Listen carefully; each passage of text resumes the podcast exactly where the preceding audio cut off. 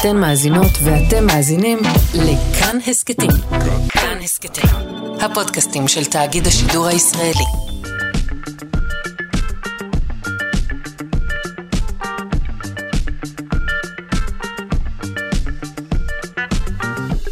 שלושה שיודעים.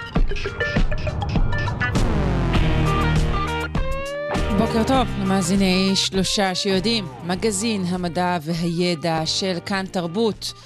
כוחנו בשביעותנו, חברים. בשעה זו על תוכנית החלל ל-2024, על מתנגדי חיסונים, אבל מסוג חדש, לא הסוג שאתם מכירים, אה, על חיפושית שקרויה על שם... אה, צורר ידוע, חמש אותיות, אה, וסוף סוף תשובה מדעית לשאלה, סבתא, למה יש לך פנים ארוכות כל כך?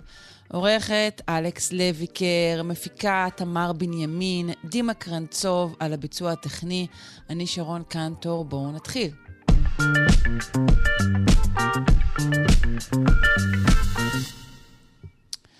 סבתא, למה יש לך פנים ארוכות כל כך? שואלת כיפה אדומה את הזאב המחופש, ובצדק. למה יש לזאב פנים ארוכות כל כך? ובעצם, למה ליונקים גדולים יש בכלל אה, אפים מוערכים יותר מלקטנים?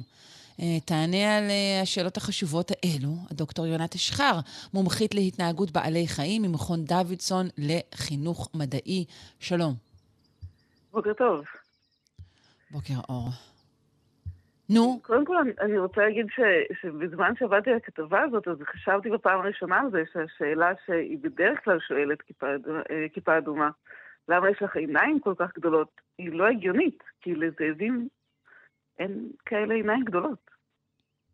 נכון, אה, אה, נראה לי שככלל זה חתיכת פרצוף לראות במקום הפרצוף כן, של סבתא, כן. ואנחנו, בוא נגיד שלא נשפוט את כיפה אדומה ברגע הזה, בסדר? אמ, אז באמת זה משהו שחוקרים ואנשים שמסתכלים על בעלי חיים כבר יודעים כבר הרבה מאוד זמן, שבתוך משפחות מסוימות, אה, לבעלי חיים גדולים יותר יש, יש חותם ארוך יותר, יש לסטות ארוכות יותר. אה, שוב, בתוך משפחות ל... מסוימות יש, יש לקבוצות הגדולות יותר חותם ארוך יותר? כן, ביחס ל... Okay. אוקיי. כמובן ביחס אה, לגודל של הגולגולת כולה. זאת אומרת, ברור שזה גדול יותר, כי הכל גדול יותר, אבל גם ביחס לגולגולות יש, זה mm. ארוך יותר. אז אם אתה מסתכל נגיד על טיגריס, או על אה, נמר שהוא קטן יותר, אז לנמר יש פנים קצרות יותר ולטיגריס ארוכות יותר. Mm, אה, אם את אוקיי. מסתכלת על אה, פרה ועל כבש, אז פרה יש לה פנים הרבה יותר ארוכות מאשר לכבש יש לה פנים יחסית קצרות. נכון. ורואים את זה נכון. באמת הרבה מאוד משפחות, וזה תמיד היה סוג של אה, תעלומה, כאילו, למה, למה בעצם? ופה במאמר חדש בעצם חוקרים אה, החליטו אה, שהם הולכים לפתור את התעלומה הזאת, והם הסתכלו על הרבה משפחות של יונקים.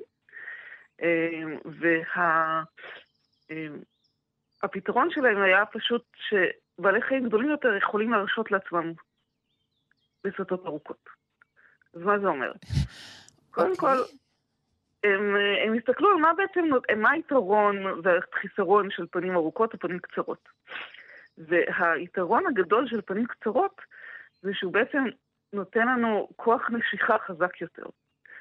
עכשיו, מה שהם גם אה, הציגו באחד ה... הם כתבו על זה באחד האתרים והציגו את זה, שמאוד אהבתי את הדרך הצגה הזאת, הם אמרו, תחשבו על מלקחיים שיש לכם במטבח, אלה שלוקחים אותם אולי את הבשר על המנגל. כן, אה, את ה, כמובן, את, את הטופו על, על המעדה, התכוונת. על הטופו, mm-hmm. כן, כמובן. כן. אה, אם את מחזיקה אותם ממש ממש בקצה שלהם, איפה שהם אה, ככה נסגרים, כן. איפה שהם מתחברים אחד לשני, ואז mm-hmm. תנסי לתפוס את הטופו, יהיה לך קשה לסגור את זה חזק. אולי הטופו אפילו ייפול מהמלקחיים, כי, כי הסגירה תהיה מאוד חלשה. אבל אם תתפסי את המלקחיים באמצע... זה כי את קונה את המוצרים הזולים האלה, מה דיברנו? תקני משהו טוב, את יכולה להחזיק אותו בכל מקום. לא, לא, לא, זה לא קשור. זה, זה כן, כן, אם יש לך מאחורה, כן, כן, זה הרבה יותר קשה לסגור את זה. האחיזה היא הרבה יותר חלשה. כן.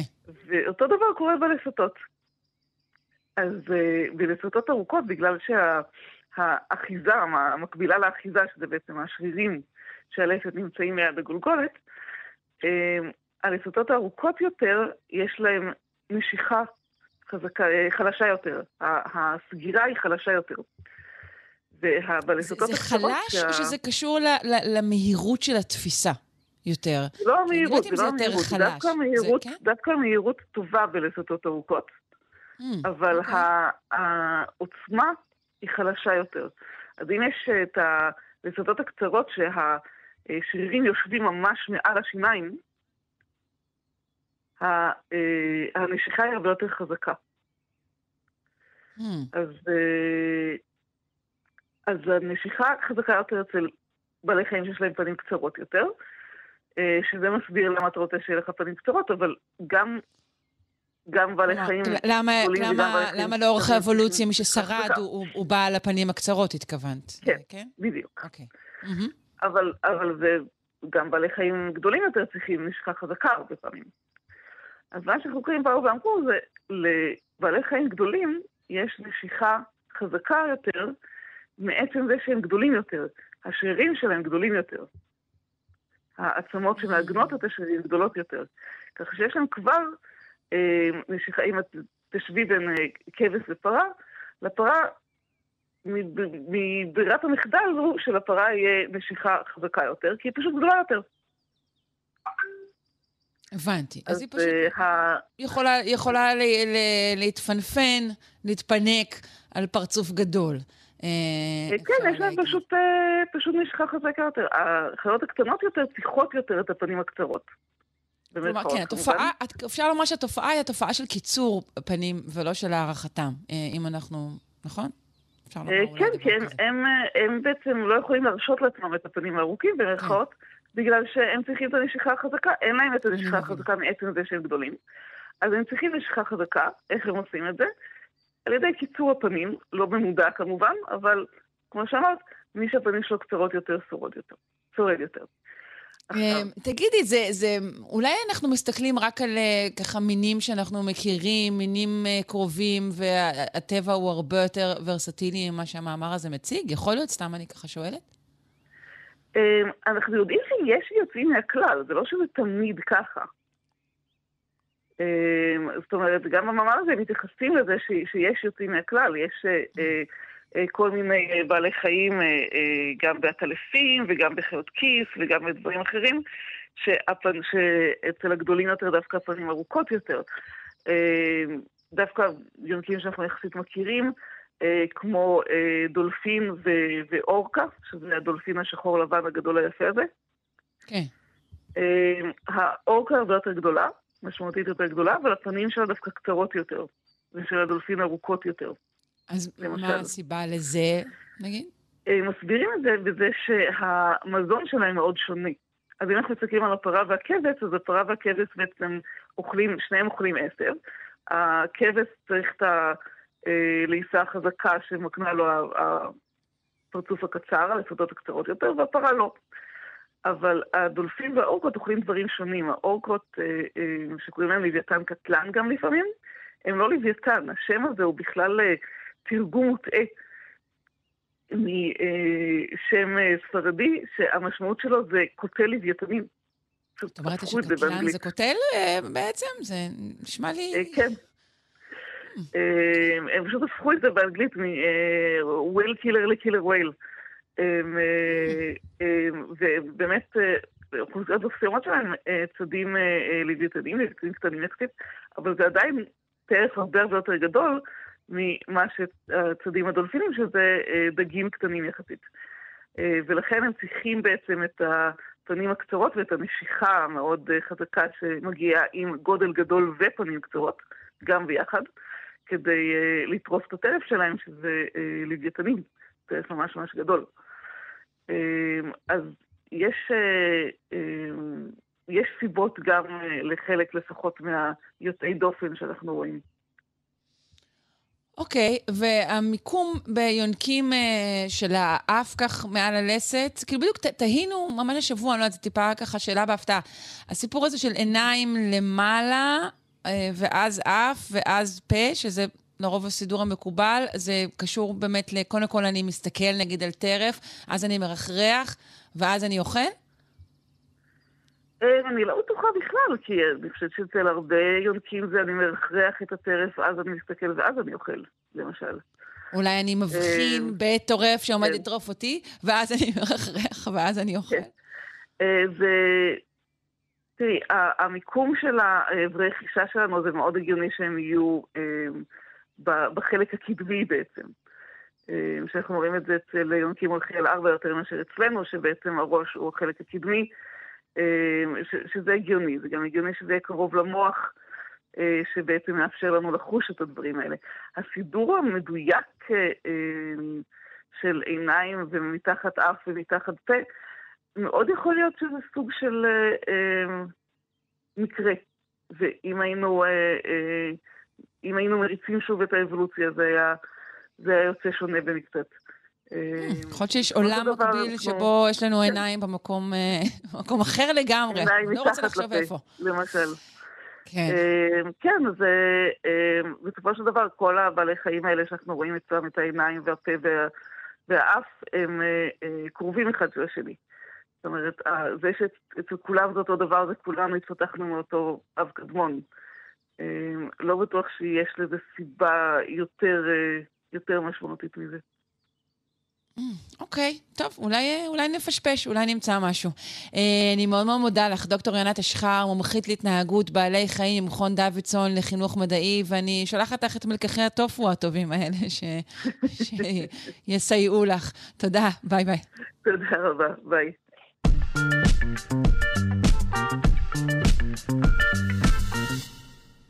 אנחנו רוצים כעת להכיר את חיפושית היטלר.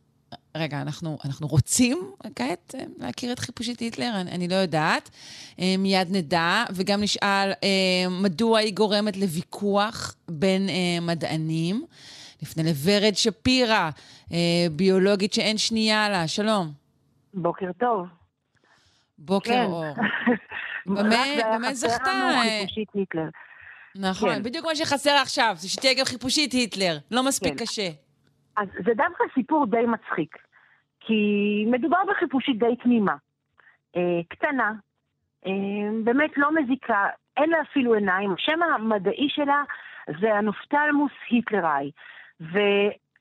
היא באמת לא... זה נשמע עוד יותר גרוע, זה קשור למה זה נוסטלגיה יש שם? המילה הראשונה היא בסך הכל אומרת שזה יצור חסר עיניים, כי באמת מדובר בחיפושית mm. חסרת עיניים שחיה במערות בסלובניה, במקומות מאוד מאוד חשוכים, והתפתחה להיות יצור חסר עיניים, שאוכל מה שיש ושורד באמת בתנאים מאוד מאוד קשים.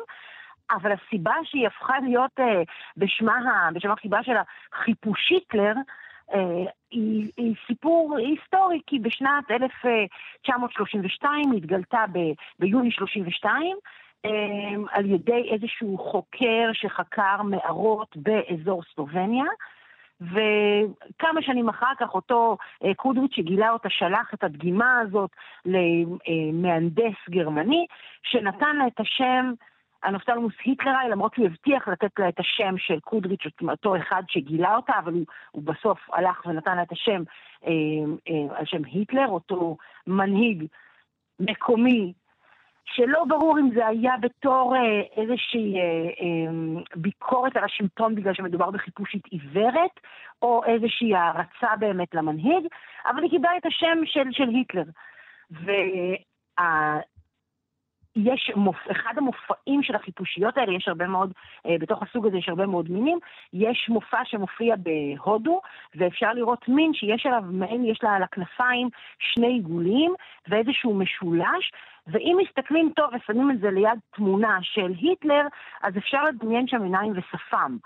אז יש שם איזשהו אה, קטע של אה, חיפושית שנראית כמו אה, היטלר באג, אבל, אבל החיפושית לה הזאת היא באמת מאוד מאוד תמימה ולא קשורה בשום צורה לנאציזם או להיסטוריה נוראית. היא לא הייתה חיית המחמד האהובה עליו, שום לא, דבר שקשור למרות, באמת... למרות שאומרים שכן, שכששולחים לו אותה, שולחים לו אותה בגלל ש... כששולחים את השם, ואז הוא נורא נורא מתלהב, בגלל שהוא חובב חיפושיות, והוא אפילו נתן ככה את, ה, mm. את המכונית, הנכון, מכונית העם, אותה חיפושית, הבאג, אז כן יש כאן איזושהי חיבה לחיפושיות. אבל הסיפור הזה okay. הוא אוקיי. מאוד מאוד תמיד, וזה יש, לא יש אבל חיפושית אה, היטלר ב, בהודו, שמכונה כך, לא, כאילו זה לא יודעת אם זה שמה, שמה הרשמי, שהרבה יותר דומה להיטלר. הרבה יותר דומה, נכון. הזו. נכון, אבל זאת לא היא.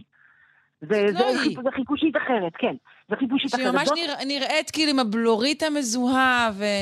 נכון, היא נראית כאילו היא עושה איזשהו, אה, אה, איזשהו אה, קריקטורה להיטלר, אבל זאת לא היא. כאן אנחנו מדברים על באמת החיפושית הסלובנית הזאת, שהיא בכלל לא נראית כמו היטלר, יש לה, היא קטנטונת, יש לה צבע ענברי כזה, אה, חום.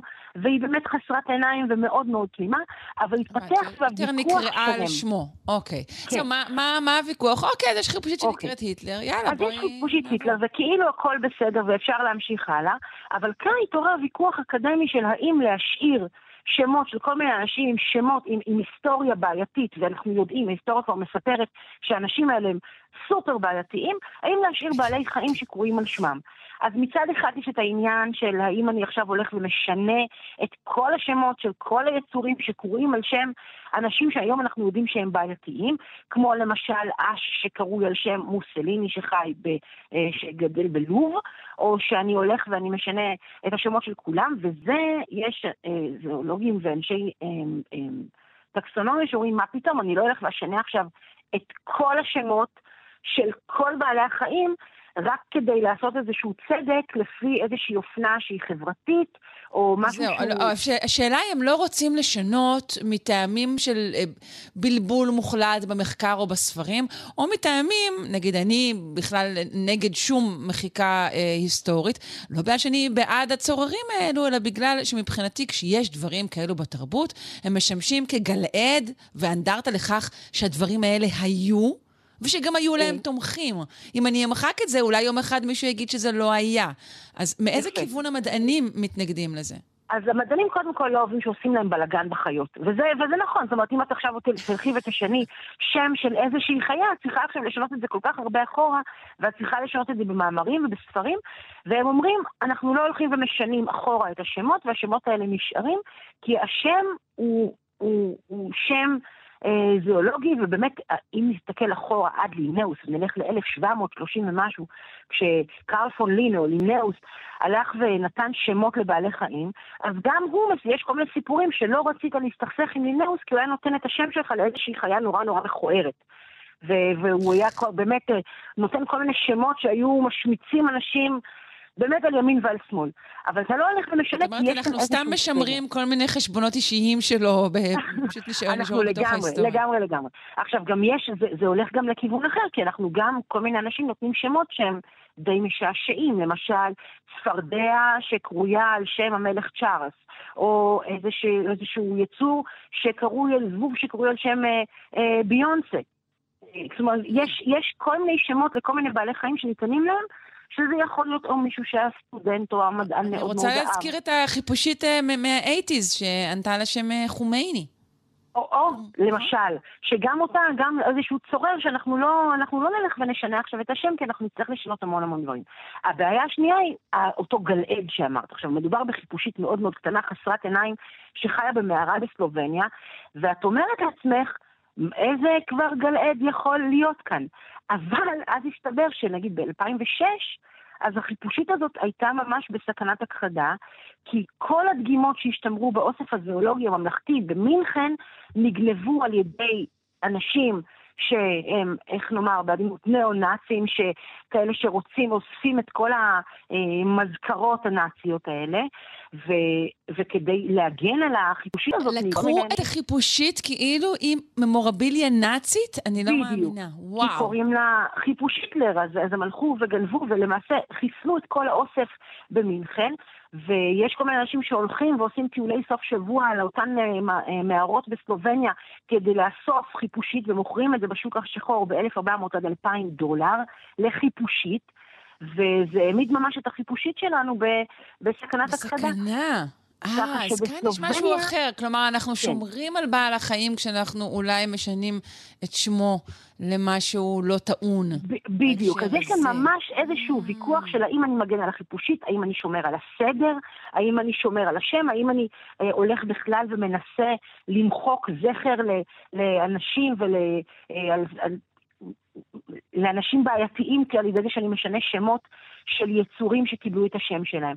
אבל באמת יש הרבה הרבה הרבה מאוד שמות. זה שיש לנו את אותה חיפושית שקרויה על שם היטלר, אז יש אפילו רב רגל שקרוי על שם טיילור סוויפט. כלומר, זה, יש זהו, כל מיני למה, שמות. למה דווקא רב רגל זה קרוי על שם טיילור סוויפט? זה יכול להיות המון סיבות. זה יכול להיות בגלל סתם אותו זבוב על שם ביונסה, הוא זז אולי מאוד מאוד יפה, אז הוא אה, מזכיר ככה את, את האתלטיות של אותה אה, פרפורמרית אה, ביונסה. זאת אומרת, זה יכול להיות גם אבל מישהו שאותו מדען מאוד מאוד מעריץ וחושב שכדאי להנציח אותו.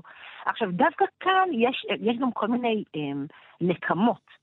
בתוך uh, העולם הזה של מתן שמות, כי למשל מדענים איטלקים uh, שרצו ככה uh, לנקום על אותה חיפושית היטלר, הם הלכו ונתנו את השם, הם, הם, הם גילו מין חדש, והם נתנו לו את השם הם, על שם ג'סי אבנס, אותו אתלט שבאולימפיאדת מינכן הלך ו- וכתב ארבע מדליות זהב ב-1936, אז כשאנטמולוגים לפני חמש שנים מצאו איזושהי אה, חיפושית מערות שקשורה לחיפושית היטלר, הם נתנו לה את השם The Values Orensai, כלומר על שם ג'סי אבנס, כדי להראות ככה איזושהי מלחמה פוליטית בתוך עולם הטקסונומיה של החיפושיות.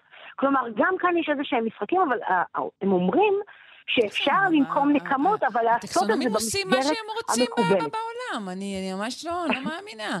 את יכולה למצוא חיפושית ולתת לה איזה שם שאת רוצה. ואמרתי, באמת, היא יכולה לתת... להחליט מה השם. צריכה למצוא חיפושית קודם, הבנתי. אז כן, אז הזכרת באמת את ביונסה, יש גם לבני הזוג אובמה, לברד פיט. נכון. יש הרבה מאוד יצורים חיים, ויש גם הרבה מאוד uh, צוררים. כלומר, יש את החומני שאנחנו מכירים, נכון? ויש uh, uh, uh, מוסליני, יש לו אש, ויש הרבה מאוד אנשים, ויש uh, uh, דג גוליית. גם גוליית הוא טיפוס מאוד מאוד בעייתי, אבל נלך עכשיו ונמחק את השמות ליצורים, כי אנחנו פשוט גם מצד אחד נמחק את הזכר לקיומם, מצד שני, כמו, ש... כמו שאמרת, או גם נעשה המון המון בלאגן עכשיו בעולם החי. ובאמת צריך ככה, יש ויכוח מאוד סוער, כמו שטקסונומים יודעים לסעור, אבל באמת צריך לחשוב מה היתרון ומה החיסרון, גם עבור בעל החיים, וגם עבור ההיסטוריה שמסופרת דרך השמות האלה של בעלי החיים. מעניין מאוד. Uh, בפינת הלשון uh, שתהיה לנו כן. מחר, כן. אנחנו נכריז כאן על uh, שינוי שמה של רכיכה. שנשאה שם כן. uh, בעייתי עד ממש לאחרונה, והאקדמיה, uh, כחלק מניקוי דומה למה שאת מציעה, החליטה לשנות את שמה. אני לא אחשוף כאן את כל הסיפור הזה, אבל דעי לך. אבל היא שינתה את שמה בעברית. נכון. היא שינתה את... בעברית, אוקיי, אבל אנחנו, אנחנו מדברים על שינוי שמות בלטינית, כן, שזה כן. באמת השם... זה השם. זה, זה השם, לא משנים. ו- כן. ובעברית יש הרבה משחקים עם השמות, והשמות בעברית יפהפיים, מומלץ ללכת ולהסתכל עליהם, אמ, אבל בלטינית זה יותר בעייתי. טוב, אז מעניין מה יהיה עם חיפושית היטלר הזאת. אה, נעקוב. תודה רבה לך. תודה לכם. ביולוגית ורד שפירא, תודה.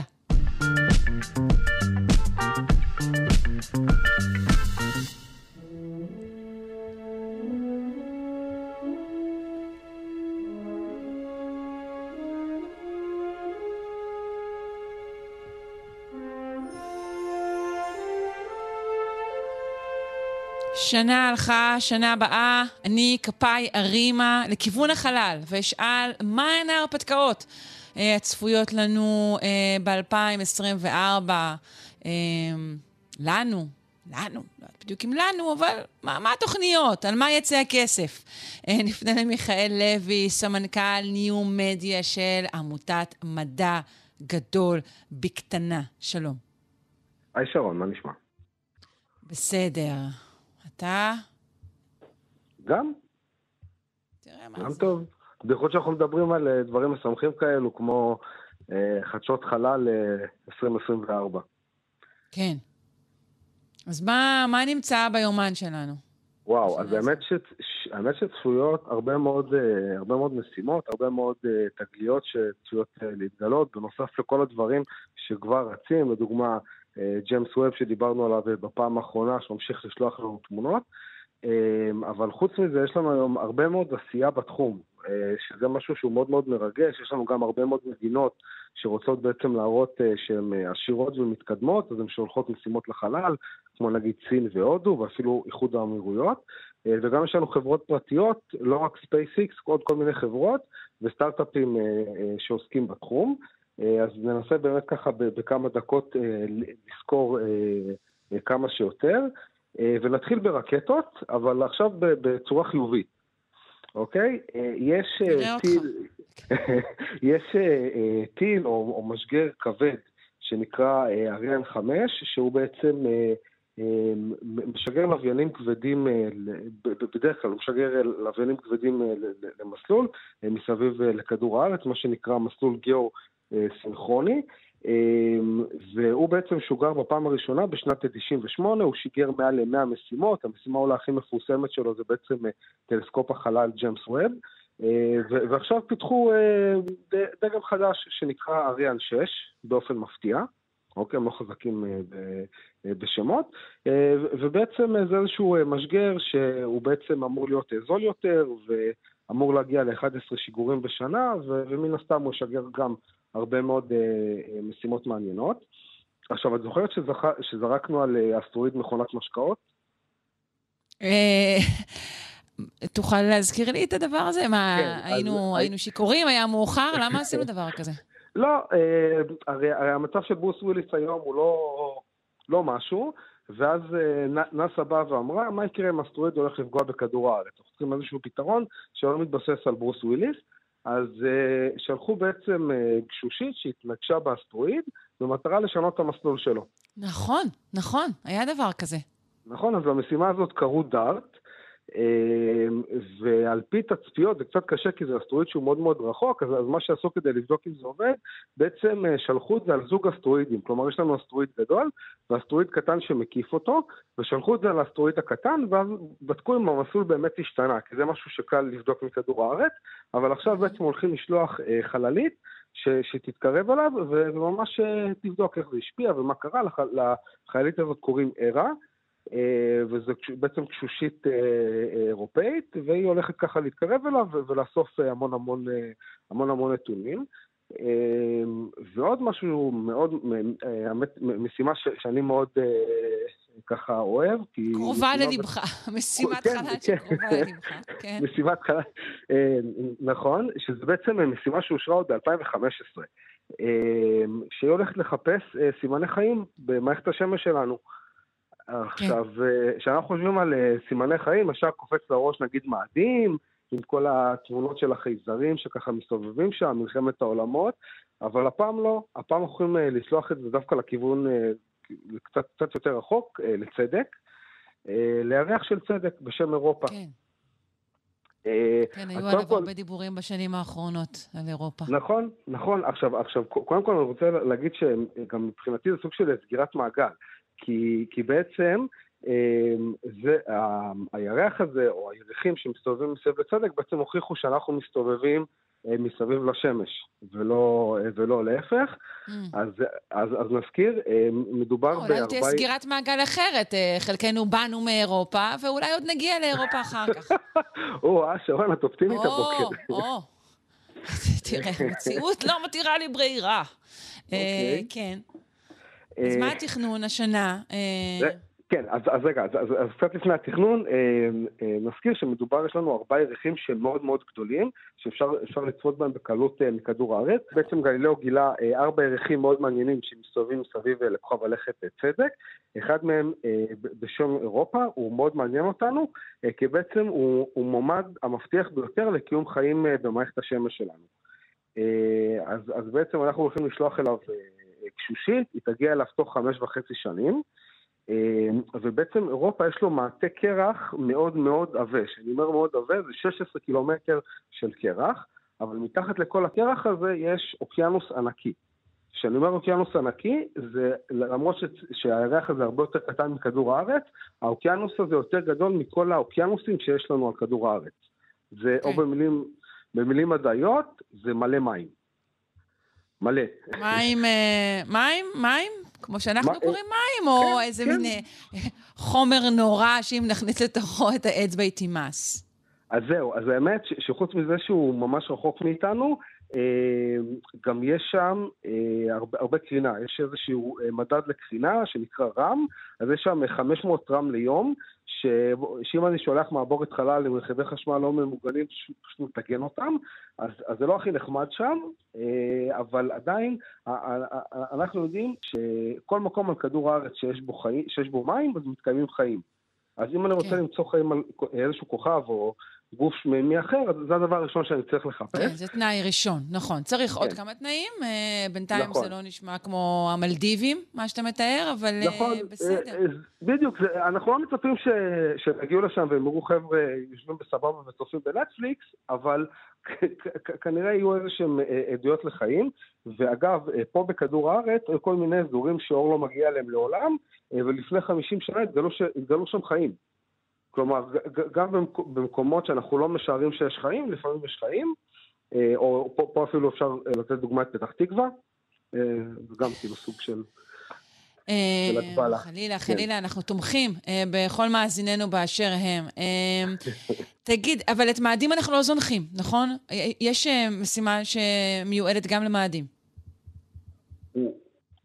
כן, האמת אה, לא, לא רק אה, השנה, יש לנו גם אה, עד- עדיין אה, כל מיני רוברים שמסתובבים על, אה, על מאדים, יש גם אה, תכנונים אה, של סין. כלומר, אה, סין, הם, הם כל הזמן הם, הם, הם, הם עובדים על דברים, פשוט פחות שומעים עליהם כי היחסי ציבור שלהם פחות חזקים. אה, אני, אני אני אתן סתם דוגמה. אה, דיברנו מקודם על, הנס, על המשימה אה, קליפר אה, לאירופה, אז נאס"א פותחת אתר מיוחד, שכל אחד יכול להיכנס, לרשום את השם שלו, והשם שלו י- י- יטוס לכיוון צדק. אוקיי? הסינים לא עושים את זה. או, או, או, או, או כל מיני דברים דומים. חייבת לומר שבהקשר הזה הם נשמעים הרבה יותר מכובדים. אבל אה, תשמע, יש לנו עוד אה, כ- כ- כשתי דקות, אה, ואני רוצה שכן תגיד לנו, אפרופו דברים מכובדים ומכובדים פחות, מה הולך לקרות ליקירנו הירח? שהוא קרוב, והרבה אנשים אה, רוצים אה, חתיכה מהפרצוף היפה שלו. נכון, אז, אז באמת אה, ב-2024 הירח הולך להיות אה, מוטרד רבות אה, על ידינו, יש לנו יותר מעשר משימות אה, שמשוגרות אליו. אה, אז קודם כל יש לנו אה, אה, את הרובר וייפר שדיברנו עליו כבר, שהולך לנחות בקוטב הדרומי של הירח כחלק ממשימת ארתמיס. יש לנו את משימת ארתמיס של נאס"א שמשגרת את המשימה השנייה שלה, שהולכת אה, להקיף את הירח עם אנשים בפנים. עם ארבעה אנשים, אה, הם לא ינחתו עליו, הם יקיפו אותו. אה, ו- וחוץ מזה, יש לנו גם את סין, ש- שדיברנו עליה מקודם, אז היא עכשיו הולכת אה, אה, לשלוח בעצם מנחתת, שאמורה לאסוף שתי קילוגרם של חומר אה, על הירח, ולשלוח את זה חזרה לכדור הארץ. אה, אז, אז, אז, אז כמו שאמרתי מקודם, אנחנו לא שומעים הרבה על סין, אבל הם כבר ב-2013, לפני יותר מעשר שנים, הנחיתו כבר רובר על הירח, והם אפילו דגמו. כלומר, הם המדינה השלישית, אחרי ארצות, אה, ארצות הברית ורוסיה, שבעצם אה, החזירה דגימות מהירח, ועכשיו הולכים לעשות את זה אה, פעם נוספת. כן. טוב, אני בשנה זו מתכוונת להקים את החברה להגנת הירח, ואנחנו ניפגש בסופה, אה, ונראה מי ניצח, אני או הסינים. אה, בסדר גמור. אה, מיכאל לוי, אנחנו נמשיך לשוחח אה, עוד רבות, אני מקווה, גם במהלך שנה זו, על עניינים כאלו ואחרים. נזכיר שאתה סמנכ"ל ניו-מדיה של עמותת מדע גדול בקטנה. תודה, להתראות. תודה שרון, יום טוב.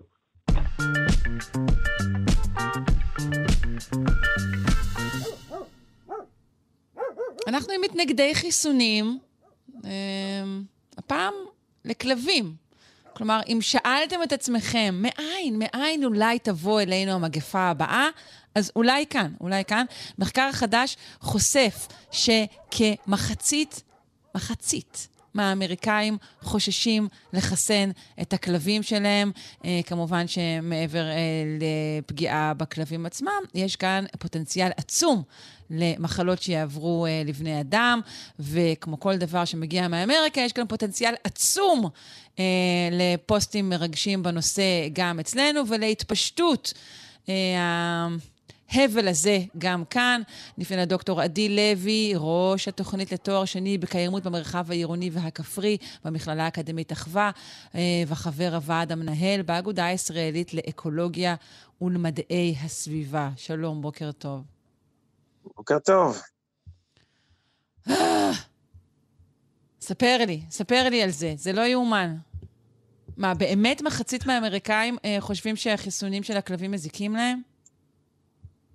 אז אה, בואו נתחיל לספר קצת על המחקר. זה מחקר חדש שנערך בארצות הברית, פורסם בכתב העת וקסין. אה, אה, בעצם אה, מדובר בסקרים שנערכו... אה, הוא פורסם מראש בכתב העת וקסין, שמראש הוא תומך בחיסונים, נכון. אז ברור שאלו יהיו התוצאות. אני, אני מנסה כאילו לחשוב על התגובות, כן. אה, כן, זה, זה עוד רגע, עוד רגע נגיע גם לאלה, אבל בגדול, במהלך מרץ-אפריל 23, בעצם השתתפו בסקר 2,200 בעלי ובעלות כלבים בארצות הברית, ושאלו אותם מה התפיסות שלהם בנוגע לחיסונים, היו שם מגוון של שאלות. אה, וכמו שאמרת, 52% אה, מהנשאלים הביעו איזשהו היסוס, ספקנות, עד רמה של אה, באמת הכחשה של הצורך בחיסונים לכלבים. רגע, אני פותחת שאלה. האם היו מחקרים קודמים לפני נגיד עשור שהראו תוצאות אחרות, או שזה מחקר ראשון מסוגו? אז uh, אני לא מכיר לפני עשור, אבל אני יודע שבשנים האחרונות uh, נעשו עוד מחקרים כאלה, המחקר גם מצטט מחקרים אחרים, אבל uh, אנחנו, אנחנו רואים את, ה, את ההתחזקות של התופעה הזאת של התנגדות לחיסונים גם כאיזשהו... uh, איזושהי תגובת נגד לכל מה שקרה במגפת הקורונה, ו, ובכלל איזושהי התעוררות של התנגדות לחיסונים בארצות הברית אה, בשנים האחרונות, חיסוני שגרה, וגם קצת בארץ, כן? חיסוני שגרה, לא אה, חיסוני קורונה, אה, שגם מגינים עלינו ממגוון מחלות כמו חצבת ושעלת ומחלות מאוד מאוד מסוכנות. דרך אגב, ממש, ממש לאחרונה, לפני כשבוע, בעצם נפטר תינוק ב- בישראל משעלת, אז זה מחלות שהן עדיין פה כש, כשלא מתחסנים, או שהאימא לא מתחסנת בהיריון למשל. אבל אם נחזור רגע לחברים הטובים ביותר שלנו, אה, שהולכים על ארבע, אז קרוב ל-40% מהנשאלים בסקר הודו שהם אה, מאמינים שחיסונים לכלבים הם לא בטוחים. בעצם זה שהמשפט, המילה הזאת, אמונה, כן, מתחברת למדע, כן. זה כבר uh, בעיה. נכון. אבל... תראה, אני, אני רוצה להגיד לך שגם בעיניי יש איזושהי מידה... Uh, אתה יודע, בדיוק דיברנו על זה בשבוע שעבר. כששאלות מסוג זה מוצגות, אז מגיעות כל מיני תשובות. זה, זה חלק מהעניין. נכון, זה גם תלוי איך מנוסחת השאלה, חושב... כשאנחנו מדברים כן, על נכון. סקרים, נכון, כן. אה, הניסוח של השאלה יכול קצת אה, אה, לשנות, אבל, אבל הניסוח של השאלה לא יכול להוביל לתוצאה כזאת, זאת אומרת, זה, זה בוודאות מייצג את, כן. את, כן, את, אותה, את אותה אוכלוסייה. אמ, עכשיו, 20% אמ, מאמינים שחיסונים לא יעילים, מתוך אותם 40% שמאמינים שהם אה, לא בטוחים, ו-30% מחשיבים אה, חיסונים כבלתי הכרחיים מבחינה רפואית, זאת אומרת שאנחנו סתם מחסנים את הכלבים כי מישהו מרוויח מזה, וזה גם תמיד חלק מה, מהקונספירציה, ו-37% מהנשאלים מאמינים ש, שימי לב, החיסונים עלולים לגרום לאוטיזם בקרב, בקרב הכלבים שלהם, מאיפה זה מגיע? זה מגיע מאיזשהו מחקר שפורסם ב-1998 על ידי כן, אנדרו וויקפילד. כן, המחקר של וויקפילד המפורסם, שנמשך, שכבר הופרך, כן. ונכון, זה מה שקשור באמת גם לחיסונים בבני אדם. והיה שם סיפור, הוא ניסה לפתח איזשהו חיסון חלופי, והוא uh, עבד ביחד עם עורך דין ש... ניסה לייצג אנשים שטענו שהם נפגעו מהחיסון אה, המקורי, ו- והיה שם סלט שלם ש- שהוא לא מדעי, כן, ולכן המחקר שלו גם נפסל. ומשם בעצם התגלגלה לה הטענה, דרך אגב, שזאת אחת הטענות שנבדקו הכי הרבה בהקשר של חיסונים, כי באמת עשו לא מעט מחקרים במטרה לראות האם יש הבדל בין מחוסנים ב-MMR ללא מחוסנים בתדירות הופעה של אוטיזם אחר כך בילדים, כן. ו, אה, ולא לא ראו שום דבר כזה, ולדעתי, כן. אם אני זוכר נכון, זה בין מיליון לשני מיליון אה, משתתפים היו במחקרים האלה, זאת אומרת, זו טענה שנבדקה הכי הרבה ולא נמצאה שום, לא נמצא שום אבל דבר. אבל ברגע שמשהו נכתב. בעידן זה, הוא פשוט ממשיך להתגלגל. אני רוצה שנחזור רגע אה, ל- לכלבים ולחיסונים שניתנים אה, להם. אה, החיסונים הללו, יש להם תופעות לוואי?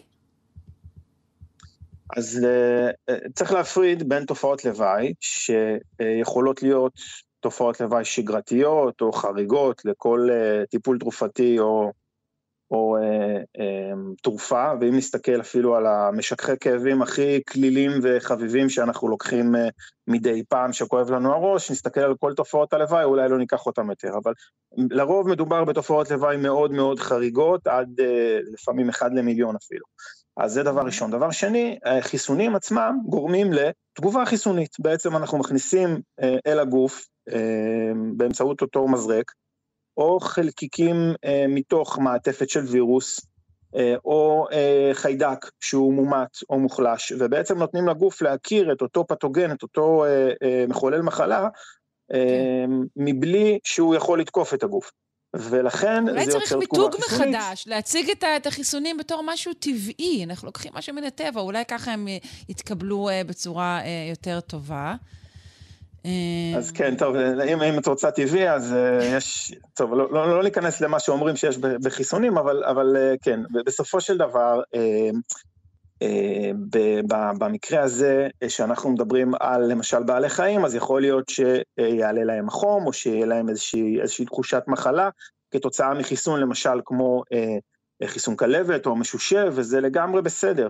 אבל בואו נדבר רגע על כלבת, כן? כלבת, אנחנו, אם נסתכל גם על uh, uh, פרסומים בתקשורת ושל משרד הבריאות, אנחנו מדי שבוע, שבועיים, מתבשרים על תן, שועל, לפעמים גם פרה שננשכה על ידי תנים ושועלים בעיקר, שלפעמים גם זאבים, שהגיעו, uh, בדרך כלל הם מגיעים מסוריה, מירדן, דרך הגדרות, לפעמים מלבנון, מהמדינות שסביבנו, ואנחנו מדווחים על כך שנמצא תן חולה כלבת, וזה נפוץ במיוחד באזור הגולן וגליל עליון ועמק הירדן, קרוב לגבולות שלנו. וכאן בתוך ישראל, באזורים הפנימיים יותר, אנחנו לא מוצאים בדרך כלל, זה מאוד מאוד נדיר למצוא איזשהו בעל חיים שנדבק בכלבת, וזה בגלל באמת חיסונים בצורה די טובה לכלבים בבית, וגם חיסון של בעלי חיים באמצעות פיתיונות, כדי שגם תנים ובעלי חיים אחרים, דרך אגב, מינים מתפרצים, שמסתובבים פה במרכז הארץ, ברמת גן, גבעתיים, תל אביב, יש לנו חתולים ברחוב ותנים, אז כן, רגע, אבל בוא נזכיר את הסכנה. לבני אדם. אנחנו חייבים בזמן להזכיר, שזה אולי הדבר הכי חשוב לזכור, אה, שאדם שנדבק בכלבת ימות. זה מאוד מאוד. פשוט. אד- אדם שנדבק בכלבת ימות. כלומר, אם יהיו סביבנו יותר אה, בעלי חיים חולים בכלבת, זה מגדיל מאוד את סיכויי התמותה, וכבר עכשיו, נכון, כמעט 60 אלף איש אה, בשנה אה, נכון, מתים נכון. בעולם אה, מכלבת. בעולם 60 אלף איש, 40 אחוז מהם ילדים, בני פחות מ-15, זה בעיקר באסיה ואפריקה, ובעיקר עובר 99 אחוז מהמקרים נגרם מנשיכה של כלב נגוע, השאר מבעלי חיים אחרים. וברגע שאדם ננשך ויש חשד לכלבת, כמובן צריך לשטוף מהר את המקום ולחטא אותו וללכת ללשכת בריאות או, ל, או למיון ולקבל אה, אה, חיסון, או לקופת חולים, מה שתלוי בשעה, לקבל אה, סדרת חיסונים שבעצם מונעת מאותו נגיף להגיע מ... הוא בעצם נכנס למערכת העצבים ונע ככל שהוא, שהנשיכה היא רחוקה יותר מהמוח, מהראש, ככה לוקח יותר זמן עד שהוא יגיע לשם, ולכן אה, גם הדחיפות עולה, אם זה בכף הרגל או, ב, או בכתף, אז הדחיפות היא אחרת. ו, אה, וזאת הדרך האופטימלית לטפל באנשים שננשכו על ידי בעלי חיים, אה, גם אם לא בטוחים, אם יש באותו בעל חיים כלבת והוא לא נתפס, אז, אז זה מה שצריך לעשות. ו, וכמובן שהדרך הטובה ביותר למניעה היא לחסן את בעלי החיים שלנו, אה, הכלבים, כן, כנגד זו דרך כלבת, ואם חתולים ו- גם יוצאים ו- החוצה, גם אותם. וזה גם החוק, נכון? זה לא- מח- זה גם חייב החוק, לחסן כן, את, כן. ה- את הכלב שלך. מגיל שלושה חודשים, כן. כן, והחיסון אה, הניתן הוא לא רק לכלבת, נכון? הוא גם לשעלת וגם לעכברת, שזו מחלה שאנחנו שומעים מדי פעם שנמצאת במקורות המים שלנו. נכון, אז משושה בעצם מגן גם מחלה שציינת עכשיו, מעכברת, ועכברת בעצם מועברת לבני אדם. זאת אומרת, אם בעלי החיים שלנו בבית יכלו בעכברת, הם יכולים להדביק גם את הבעלים שלהם, וזאת מחלה מאוד לא נעימה, ולפני, ב-2018, אם אני זוכר נכון, בקיץ, אחרי כמה שנים של בצורת בצפון, בעצם התפשטה עכברת בנחלים, כן. היה אסור להיכנס לחלק מהנחלים, התאשפזו לא מעט אנשים וחלו. אז יש דרך פשוטה להימנע ממחלות שעבר זמנה, מה שנקרא, גם אצל בני אדם, כמו חצבת ומחלות נוראיות אחרות. וזה להתחסן כנגדם בחיסוני שגרה, אותו דבר, כלבים, כן, אין שום סיבה לא לחסן את הכלבים, ובטח חיסון כלבת שהעלות שלו היא אפסית, משלמים אגרה בדרך כלל שהיא בערך 50 שקל לכלב מסורס או כלבה מעוקרת, וסדר גודל כזה, ו, ו, והחיסון לרוב גם לא עולה כסף מעבר לזה, אז... כן, אומר עליך נגד מה אין חיסון. אין שום סיבה להיות אמריקאי. עדי, זהו, אומר לך נגד מה אין חיסון, וזה אין חיסון לטרללת. וגם לא לטרפת. וזו הסיבה שהדברים האלו מתפשטים.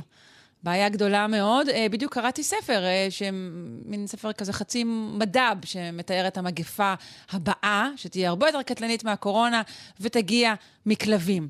כך שהסיפור הזה uh, נופל כאן כפרי בשל. אני מאוד מאוד מודה לך. תיזהרי שלא אה, יגידו שאת אה, בעצם יצרת את המגפה הבאה, וכן. אה, בוודאי. לא, זה ביל גייטס יושב פה לידי. בשידור הרדיו הזה, אה, כן. שותים תה ירוק ומתכננים דברים. אני מאוד מאוד מודה לך, דוקטור עדי לוי, ראש התוכנית לתואר שני בקיימות במרחב העירוני והכפרי במכללה האקדמית אחווה, וחבר הוועד המנהל באגודה הישראלית לאקולוגיה ולמדעי הסביבה. תודה רבה. תודה, והמשך שבוע שקט.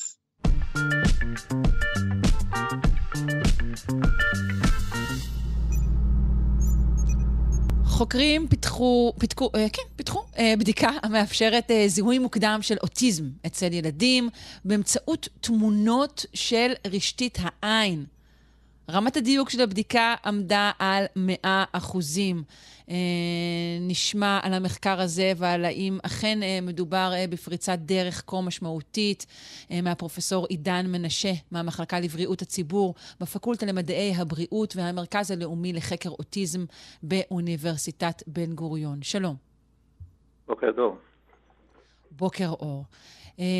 קודם כל, איך בכלל מזהים אוטיזם דרך רשתית העין? מה הקשר? אז אה, מה שהחוקרים האלה עשו, הם uh, התבססו על ממצאים קודמים שהראו שקיימים הבדלים קטנים במבנה של רשתית העין בין ילדים עם התפתחות תקינה לילדים עם אוטיזם. מה שהם עשו, הם השתמשו בכלים מתקדמים, כלים חישוביים מתקדמים של בינה מלאכותית, בשביל ללמוד על ההבדלים הקטנים האלה בהרבה מאוד ילדים, קרוב לאלף ילדים, אה, ואז אה, בנו מודל חישובי שיודע לה, אה, להשתמש בהבדלים האלה, להבחין בין שתי קבוצות הילדים האלה. במחקר שלהם זה הגיע לדיוק של 100 אחוזים. ההבדלים הם הבדלים נראים בעין בלתי מזוינת, או שזה הבדלים לא, זעירים? כמובן שלא, כמובן שלא. אוקיי.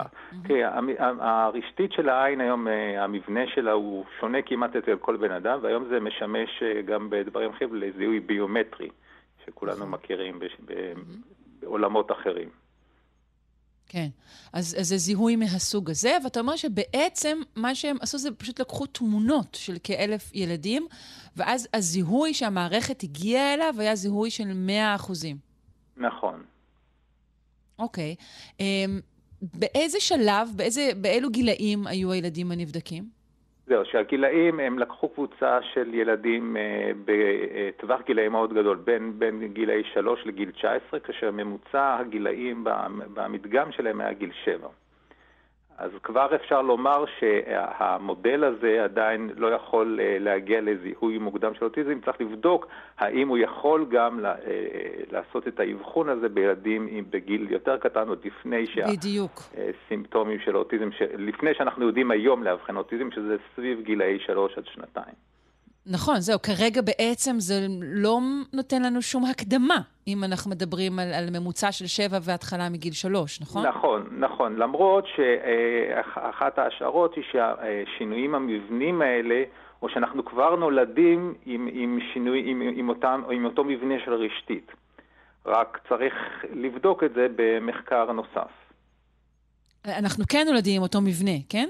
כן, אנחנו נולדים עם אותו מבנה, וכנראה שלפחות חלק מההבדלים כבר קיימים עם הלידה.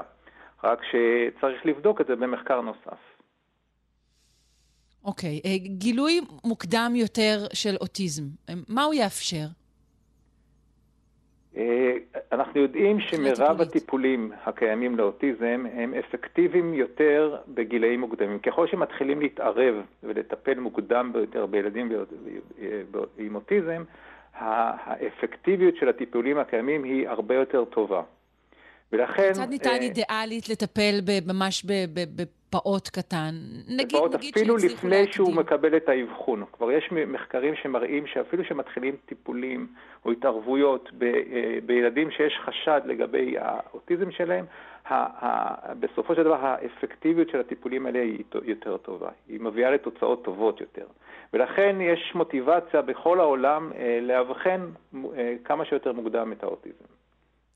על איזה סוג של טיפולים אנחנו מדברים? אני, אני יודעת אה, על דברים אה, שעושים לילדים באמת יותר גדולים, כבר בגיל של, של אה, ראשית אה, שפה ותקשורת. נגיד שיצליחו לאבחן אה, תינוקות או ילדים בגיל שנה, בעצם מה יוכלו לעשות? אילו טיפולים? זה, זה בדיוק אותם טיפולים, שרק שמתחילים אותם יותר מוקדם ומתאימים אותם לגיל של הילד. זה טיפולים התנהגותיים, מלמדים ילדים אה, אה, להגיב אה, לסימנים חברתיים. בעצם מלמדים את הילדים להגיב לסימנים חברתיים של, של, של, של ילדים אחרים או של אנשים אחרים. זה בדיוק אותם טיפולים שקיימים למבוגרים יותר, רק מתאימים אותם לגילאים המוקדמים יותר של הילד. אוקיי, okay, זאת שאלה קצת מורכבת, אה, אבל אני אהין ואשאל אותה. כשאנחנו מלמדים בעצם אה, ילד עם אוטיזם להגיב כך לדברים, האם בעצם, כשזה מצליח, הוא מחקה את ההתנהגות הכללית והנורמטיבית, או שבעצם כולנו בסך הכל מחקים התנהגות כללית ונורמטיבית? כולנו בעצם מחקים התנהגות אה, נורמטיבית, נכון? אנחנו לומדים, אנחנו לא נולדים אה, בתור אה, אה, יצורים חברתיים, אנחנו לומדים עם, עם ההתפתחות שלנו אה, להתנהג בתוך חברה. כנראה שהלימוד הזה באנשים עם אוטיזם הוא יותר בעייתי, יותר קשה, ולכן הם נדרשים ל, בעצם ללימוד יותר אה, אינטנסיבי. כלומר, זה כל ההבדל. זה לא שהם פשוט עושים איזה משהו שהוא חיקוי שונה או משהו כזה. זה פשוט יותר קשה ללמוד את זה. ייתכן. תראי, אוטיזם זה דבר מאוד מאוד אה, מורכב והטרוגני. אה, אין שני אנשים עם אוטיזם שנראים אותו דבר ומתנהגים אותו דבר. אה, כן. ולכן גם מאוד קשה לאבחן אוטיזם, מכיוון שזה כל כך שונה, אה, או מתבטא בצורה שונה אה, באנשים אחרים, ולכן גם המחקר הזה שיצא הוא, הוא מחקר פורץ דרך, ויש מחקרים נוספים, שבעצם הוא מביא איזשהו סימן או סמן אובייקטיבי, פיזיולוגי, שהוא לא קשור להתנהגות, הוא קשור בעצם למבנה פיזיולוגי, שבו בעצם לא, הוא לא ניתן כמעט, לש... או לא ניתן בכלל לשינוי. ולכן... אז וזהו, הוא, ראשון, זה, וזהו ראשון מסוגו, משום ששאר האבחונים הם אבחונים אה, התנהגותיים? אז, אז הוא לא ראשון מסוגו, יש שם היום המון מחקרים, זה, זה אחד מכיווני המחקר המאוד, היותר מרגשים באוטיזם, שמנסים למצוא אה, סימנים אובייקטיביים, אה, בעיקר סימנים ביולוגיים, אה, okay. כן. שיעזרו באבחון של אוטיזם, שיהוו איזשהו סמן שהילד הזה כנראה הולך לפתח אוטיזם. זהו, אנחנו בדגש על כנראה, כלומר, כי יכול להיות שיהיה מבנה רשתית כזה גם לאדם שלא יפתח אוטיזם. נכון, במחקר הזה הם הגיעו ל-100%, אבל כבר שהם ניסו להבדיל למשל בין סוגים שונים של אוטיזם או רמת חומרה של אוטיזם, היכולת הזיהוי שלהם, היכולת האבחון שלהם ירדה פלאים, היא הגיעה, אה, ירדה מאוד, היא הגיעה ל-70%, אפילו במקומות אחרים הגיעה ל-50%, שזה כמו הטלת מטבע. לכן זה. אה, אה, אני עדיין לא הייתי רואה את זה אה, כמבחן האולטימטיבי או השיטה האולטימטיבית, אבל זה כן התקדמות, כי שוב פעם היא מביאה לאיזשהו סימן אובייקטיבי, ויש סימנים אחרים, יש מחקרים אחרים, יש מחקרים שמסתכלים אה, אה, על מעקב עיניים, מסתכלים על לאן מסתכלת העין כאשר מציגים איזשהו סרט או מציגים איזשהו סצנה מסרט. וזה גם כלי שהיום כבר קיבל אישור FDA לעזרה בזיהוי אוטיזם. יש בה, אצלנו ואצל אחרים גם בדיקות גנטיות שיודעות לזהות את המקור הגנטי לאוטיזם במשהו כמו סביב ה-20% מהילדים. יש מחקרים אחרים שמסתכלים על התנהגות דרך צילומי וידאו והקלטות של קול, ושוב פעם, בשיטות של בינה מלאכותית מנסות לזהות את אותן התנהגויות וקולות שהילדים האלה עושים, על מנת, ולראות במה הם נפרדים מילדים אחרים. ויש היום גם מחקרים שמסתכלים על בדיקות דם, ומנסים לזהות שאולי אצל חלק מהילדים יש מרכיב בדם או פרופיל של מרכיבי דם שהוא שונה מילדים אחרים. אז יש סדרה בעצם... משהו כזה בדם, שזה כמובן הדבר הראשון שאנחנו שואלים את עצמנו, יש איזושהי... יש הרבה מאוד מחקרים שהראו הבדלים כאלה, כן, יש הרבה מאוד מחקרים, אבל שוב פעם צריך לזכור, אוטיזם זה דבר מאוד הטרוגני, וכל הבדל כזה שאנחנו רואים, ייתכן שהוא מתאים רק לחלק מהילדים, ולא לכל הילדים. ולכן אנחנו צריכים את כל סדרת הבדיקות האלה על מנת לעזור לרופאים. בסופו של דבר רופא שיבוא, יוכל להשתמש בסדרת הבדיקות האלה, כמו שקיימת היום לכל אה, אה, בעיה רפואית לצורך העניין, שיכולים לעשות סדרה של בדיקות, ובסופו של דבר, על פי תוצאות הבדיקות האלה, הרופא ידע לקבל אה, החלטה יותר מושכלת לגבי ההבחנה.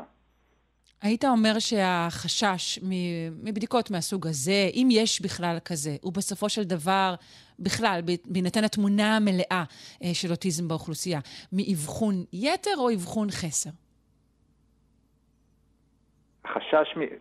הפוך. אם יש בכלל שהוא... איזשהו חשש כרגע, אני אומרת, האם הוא בסופו של דבר מזה שעדיין יש אבחון חסר באוכלוסייה, או שנגיע גם למצב של אבחון יתר? אני חושב שהשיטות האלה יעזרו לדייק את האבחון. Mm-hmm. אם זה יביא לאבחון יתר או אבחון חסר, אני לא חושב. זה ככל שאתה מדייק את האבחון, אתה, אתה בעצם מצמצם את שני, את שני הקצוות האלה, גם את של היתר וגם של החסר. את אלה שאתה מפספס תוכל לזהות בעזרת השיטות האלה, ואת אלה שאולי הבחנת בצורה לא נכונה, גם תוכל אה, להוציא מהם, אה, להסיר את ההבחנה מהם בעזרת השיטות האלה. יפה. טוב, מעניין מאוד. אני מודה לך, פרופ' עידן מנשה, מהמחלקה לבריאות הציבור בפקולטה למדעי הבריאות והמרכז הלאומי לחקר אוטיזם באוניברסיטת בן גוריון. תודה, יום טוב. יום טוב, תודה.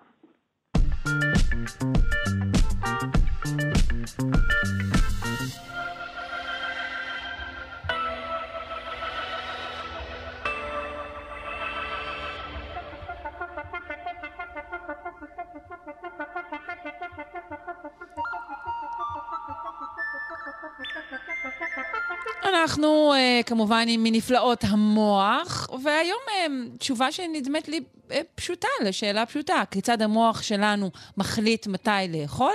יש כאן שתי אפשרויות, אחת כשאני רעבה, שתיים כשיש פיצה.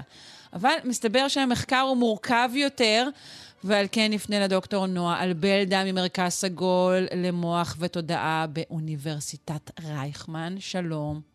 בוקר טוב. אני מגלה עכשיו עוד נקודת דמיון, חוץ מזה שאנחנו אוהבות חתולים. אה, אה, לא, חוץ מזה שאת בכלוב של טורפים, והייתי מציעה לך אה, לזוז קצת. אבל שתינו אוהבות, שתינו אוהבות פיצה. כן. ומבחינתי את צודקת. זאת אומרת, השאלה היא מתי לאכול. כשיש פיצה, התשובה היא תמיד עכשיו. יפה. אני שמחה שגם המחקר מסכים איתי בנקודה זו.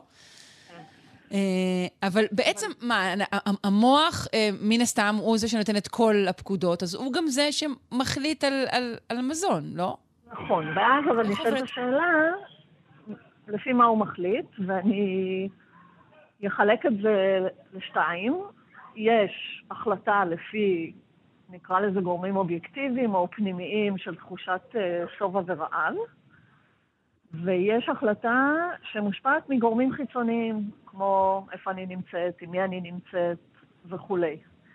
כמה אה, משעמם לי. כמה משעמם לי, או האם אני עכשיו בסיטואציה חברתית, והרבה פעמים בסיטואציות חברתיות מקובל אה, לאכול, וגם דברים שהם, אה, את יודעת, הצבע של האוכל, המרקם שלו, המדבקה שיש על הבקבוק שאני שותה ממנו, הדברים האלה מאוד משפיעים. כן. ומה שמעניין הוא שלא תמיד יש הלימה בין הגורמים הפנימיים לגורמים החיצוניים. זאת אומרת, אנחנו כולנו יודעים, נכון, שהרבה פעמים אנחנו אוכלים, ואנחנו לא באמת רעבים. כן, יש תורות שלמות אה, שהן מיועדות לסידור צלחות, סידור סופרים, יש כל כך הרבה אה, דברים כאלו. נכון, וגם, וגם הבחירה של איזה סוג מזון לאכול, אם אני מתלבטת נגיד בין פסטה כזאת לפסטה כזאת, או בין קולה כזאת לקולה כזאת, אז הרבה פעמים שוב, דברים כמו צבע, מותג שאני מכירה ונחשב ל... אה, יותר יוקרתי, וזה מאוד מעניין. אני אגיד שברמה... ולפעמים יש גם דברים ממש שהם בלתי צפויים, נכון? כלומר, אני יכולה לא לשים לב ששמעתי שיר מסוים, שאולי משתמע ממנו משהו מסוים, וזה מה שידחק אותי לכלל כריך זה או אחר. כן, תראי, אוכל באופן כללי זה משהו מאוד רגשי, נכון? אנחנו אוכלים לא רק בשביל... Uh, לשרוד, אנחנו אוכלים כי הרבה פעמים אוכל נותן לנו נחמה, מרגיע אותנו, עושה לנו טוב, עושה לנו נעים, וזה בסדר, זה מאוד לגיטימי. כן, בעולם המערבי אפשר להגיד שאנחנו אוכלים בעיקר ממניעים אה, שהם לא הישרדותיים אה, גרידא. נכון, והרבה פעמים באמת אה, בגלל שמאכלים, אה, או בגלל שהאוכל מעורר אצלנו הרבה רגשות, אז גם זה כמובן מתחבר לכל מיני זיכרונות שיש לנו. הפלפל הממולא שסבתא שלי הייתה מכינה למשל, באמת, את יודעת, אני מאוד מתגעגעת לסבתא שלי, וכל פעם שאני אוכלת פלפל ממולא עם הרבה שמיר, זה, זה ממש מחזיר אותי לארוחות צהריים אצלה. כן. אה. אז זהו, אני אגיד רק ש... אבל אנחנו עכשיו מדברים על... על יש, יש מחקר שנערך על, על חולדות, שאני לא יודעת לגבי הממולאים של סבתא שלהם, אה, שבעצם, אה, נכון, הם בדקו את הקישור הזה של, של רעב או שובע לשאלת המזון. נכון. אה, אז מה שבעצם, אה, אני אגיד רק שמבחינה פיזיולוגית, אה, יש לנו עצב, בעצם לא, לא אמורים להגיד עצב, אמורים להגיד עצב, כי עצב זה משהו עצוב. אז יש לנו עצב שבעצם מחבר בין המוח לבין מערכת העיכול, והעצב הזה נקרא עצב הווגוס. וגוס בלטינית זה לנדוד, והעצב הזה נקרא בעצם בעברית העצב הנודד, כי הוא יורד מגזע המוח, והוא ב, ב, מתפשט בחלל הבטן להמון המון איברים, כמו שאמרתי, הוא מפעיל את מערכת העיכול. הצו הזה בעצם מעביר אותות בשני הכיוונים. זאת אומרת, הוא גם שולח פקודות מהמוח לאיברים הפנימיים, אבל הוא גם מעביר מידע חושי מהאיברים הפנימיים אה, למוח, וככה למשל הוא יכול לגרום לנו לרצות לאכול, כי כשאני רעבה, אז הבטן שלי מקרקרת, הבטן שלי מתכווצת, והאיתותים האלה בעצם עולים למוח, ואז אני בחוויה המודעת שלי מבינה שאני רעבה. ואחרי שאכלתי הרבה, אז כבר לוחץ לי בבטן ואני מרגישה מלאה, וזה איזשהו סוג של איתות שעוזר לי להבין שאכלתי מספיק. יש גם... אבל האיתות הראשון, הראשון, אמור במצב בריא להגיע מהקיבה, נכון? מהקיבה למוח ובחזרה אולי. נכון, נכון. אה, ובאמת, אה, כשעושים כל מיני מחקרים בבעלי חיים, אז רואים ש... אה, למשל, את יכולה לעשות התניה, את יכולה לגרום לחולדות להעדיף מקום בכלוב איפה שתמיד נתנו להם אוכל כשהם היו רעבות. אה, ואת יכולה לעשות את זה גם על ידי הפעלה של אותו עצב. אם את מפעילה את העצב הזה באופן מלאכותי, אה, בסופו של דבר זה גורם להם גם לתחושות נעימות. אה, זה בשילוב האוכל, זה בעצם גורם להם להעדיף מקומות מסוימים בחלל. תצטרכי לח, לחזור על זה. לא, לחזור על זה. זה משהו שנשמע, זה, זה פשוט? זאת אומרת, איפה שנותנים את האוכל, לשם אני אלך? או שזה משהו יותר מורכב מזה? את, את לוקחת חולדה, בסדר, ואת שמה אותה נגיד באיזשהו כלוב גדול, ובכלוב הזה כן. יש פינה שהיא תמיד, אה, שהיא תמיד מקבלת... פינת ההאכלה. זה, אנחנו מכירים את זה נגיד מחתולים, איפה שהולכים אחר הצהריים, האנשים הטובים והברוכים.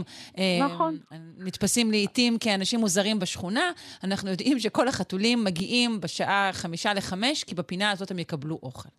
נכון, אז הפינה הזאת בעצם בשביל החולדות הופכת להיות פינה מועדפת בכלוב, זאת אומרת, כשאת תכניסי אותם לשם, הם, הם, הם יעדיפו להיות באותה פינה, ואת יכולה לגרום לאותו אפקט על ידי זה שאת מגרה להם את עצב הווגוס. זאת אומרת, ברגע שמגרה להם את עצב הווגוס ואת את, את בעצם מייצרת תחושות של רעב, אז הם ירוצו לפינה הזאת בכלוב, כי הם יודעות ששם בדרך כלל אה, מקבלים אוכל. אז זה באמת פשוט מראה שהמנגנון הזה, החיבור הזה בין העצב אה, לבין המוח, זה המנגנון שבעצם okay. אוקיי. נותן לנו את האיתותים האלה. אה, אני אגיד משהו מעניין, עצב הווגוס, אמרתי את זה גם קודם, כשמגרים אותו חשמלית, הוא מעורר אה, הרבה פעמים רגשות חיוביים. והיום יש ממש טיפול לדיכאון של גירוי של עצב הווגוס. זאת אומרת, לוקחים אנשים בדיכאון, משתילים להם פה מין קוצב כזה, שמפעיל את העצב הזה באופן מלאכותי, וזה משפר להם את מצב הרוח. וזה מעניין החיבור הזה, כן? שזה עצב שהוא גם קשור לרגשות חיוביים, גם קשור לאיתותים של רעב ושובע. שוב, הקשרים האלה בין המוח לנפש, מעניין מאוד. תגידי, אה, אני חושבת שיותר ויותר מאיתנו, אמ, שוב, אלא אם כן אנחנו יושבים ממש ככה עם חברים, גם כן לא. אנחנו פחות מתרכזים אה, במזון עצמו. אנחנו אה, קוראים עיתון, קוראים בטלפון, אה, עושים הרבה מאוד דברים. אה, מה ההשפעה של זה על אה, הרגלי האכילה שלנו? אז אני אגיד, אנחנו בעצם מדברות פה על קשב, כן? השאלה הנשאלת היא, האם כשאנחנו אוכלות, אנחנו מפנות קשב לפעולת האכילה, לטעם של המזון, לריח שלו. לא, אני אגיד לך, כי תיארנו מקודם הרבה מאוד דברים חיצוניים שמשפיעים על הבחירה שלנו מתי לאכול. אז השאלה היא, מה נכון. קורה, לכשהאוכל מגיע, מה קורה עם כל שאר הגירויים הללו? אז, אז גם כן, זה, זה משפיע, יש המון המון מחקרים שמראים שכשאנחנו אוכלים ותוך כדי זה עושים משהו אחר, למשל רואים טלוויזיה, קוראים ספר, קוראים עיתון, מדברים עם אנשים, מאחר שאנחנו פחות בקשב לתחושות הגוף, אז א', אנחנו, אני, אני אגיד, אנחנו נהנים פחות מהמזון, אני לא יודעת אם, אם אי פעם שמת לב לזה, אבל אנחנו פחות מרגישים את הטעם של המזון, יש לנו נטייה לאכול יותר מהר, ואנחנו גם נוטים לאכול יותר באופן כללי. בגלל העניין הזה שאנחנו לא, אנחנו עסוקים במשהו אחר, ואנחנו לא שמים לב כמה אכלנו. כלומר, אז, אנחנו אז... מגיעים, אנחנו, אולי גם אפשר להגיד שאנחנו מגיעים פחות לשובע באיזשהו אופן, כי, כי אכלנו בחוסר שימת לב? אז, אז אני, אנחנו לא מגיעים פחות לשובע, אנחנו פשוט לא שמים לב לזה, ואז כאילו לוקח לנו יותר זמן להבין שאנחנו שבעים, ועד שהזמן הזה עובר כבר דחפנו יותר אוכל ממה שהיה באמת... אה, mm-hmm. באמת uh, צריך. Uh, והיום ממש יש המלצות, גם, גם מעולם הדיאטניות וגם רופאים וכולי, שכשאוכלים צריכים להיות מרוכזים באוכל. זאת אומרת, לשים בצד את הספר, את הטלוויזיה, את העיתון, לאכול יותר לאט, לשים לב לטעם של המזון, ואז גם, אם מנסים את זה, באמת, פתאום מגלים שהחוויה של האכילה עצמה היא הופכת להיות הרבה יותר עשירה ומספקת. ואז אתה גם יותר טוב, יכול לנטר את הגוף שלך ולדעת מתי הגיע הזמן כן. להפסיק. טוב, אני מחכה לאיזה מחקר uh, שכותרתו uh, אינסטגרם uh, משפר את מערך התזונה שלך, שמדבר על הרגע הזה שבו אנשים מצלמים את המנה ומשתהים על יופייה בתור רגע שמייצר היזון חיובי לגבי התזונה שלנו, ואף גורם להרזייה לאורך זמן. אה, אז, אז אני אגיד, דו, דווקא יש הרבה, יש הרבה חוכמה במה שאת אומרת, כי אם, אם תחשבי על הרגע הזה של הצילום באינסטגרם, זה בעצם רגע של פליאה, נכון? את מסתכלת על כן. איזושהי מנה, והיא נורא יפה והיא אסתטית. עכשיו, אני אומרת, בואו נשמר את הרגע הזה גם, גם תוך כדי פעולת האכילה, בסדר? אז אחרי שצילמנו והעלינו לאינסטוש, נשים את הטלפון בצד וניתן לאוכל את הכבוד המגיע לו. כן, נחוש פליאה גם על, ה, על המרקמים ועל הטעמים שאולי אותם קשה יותר uh, לתעד ולהעביר לעוקבים. לגמרי. ואולי באתי לדבר על זה, כן, שפליאה כן? זה משהו שמאוד תומך ברגשות החיוביים שלנו ובחוסן הנפשי, בכלל טוב. פליאה, בהחלט אה, גם מילה יפה שאני מאוד אוהבת. אה, נשאר כן. איתה. תודה רבה לך, דוקטור נועה אלבלדה, ממרכז סגול למוח ותודעה באוניברסיטת רייכמן. בשמחה, ביי.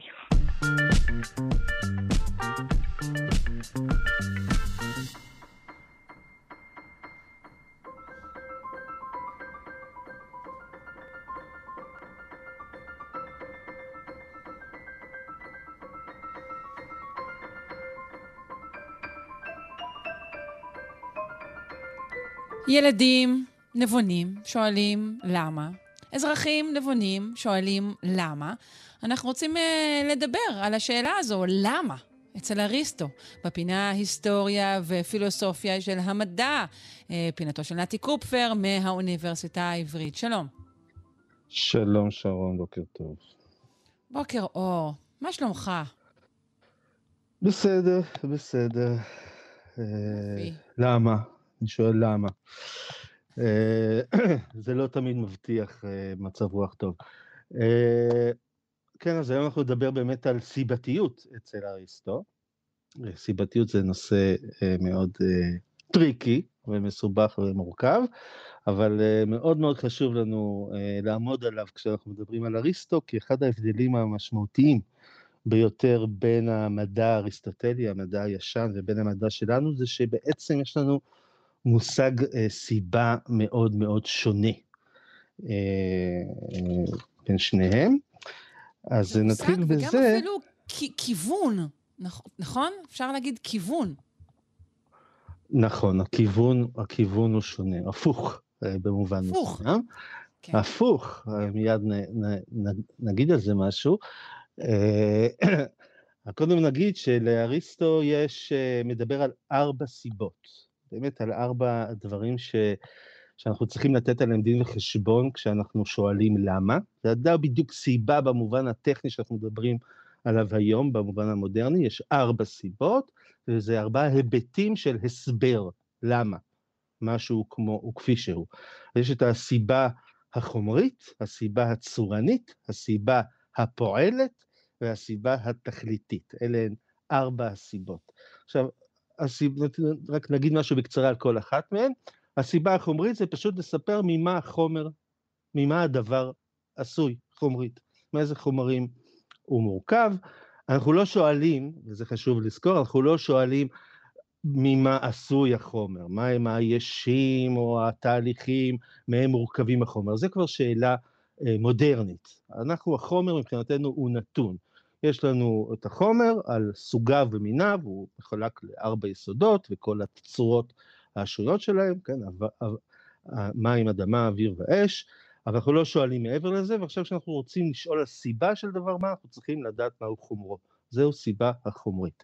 הסיבה הצורנית, היא באמת כבר מתייחסת למה שיוצר את ההבדלים בין הדברים השונים, כל אחד ומהותו, כל אחד והאופן שבו הוא מאורגן. המילה פה צורה היא לאו דווקא רק התבנית הגיאומטרית של הדבר, אלא, אלא כל מה ששייך ל, ל, למבנה שלו, לאופן שבו התכונות שלו מאורגנות, ולמעשה להגדרה שלו, איך הוא מוגדר.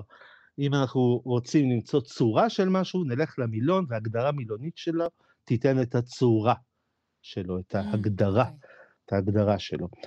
אה, יש לנו את הסיבה הפועלת, ה-efficiency אה, באנגלית לצורך העניין, שזה באמת הדברים שגרמו במובן המכני, נרצה, שמשהו, אה, דברים שפעלו והובילו את, את האירועים לקרות כפי שהם קרו, שזה תמיד כרוך בתנועה בסופו של דבר, זו הסיבה הפועלת.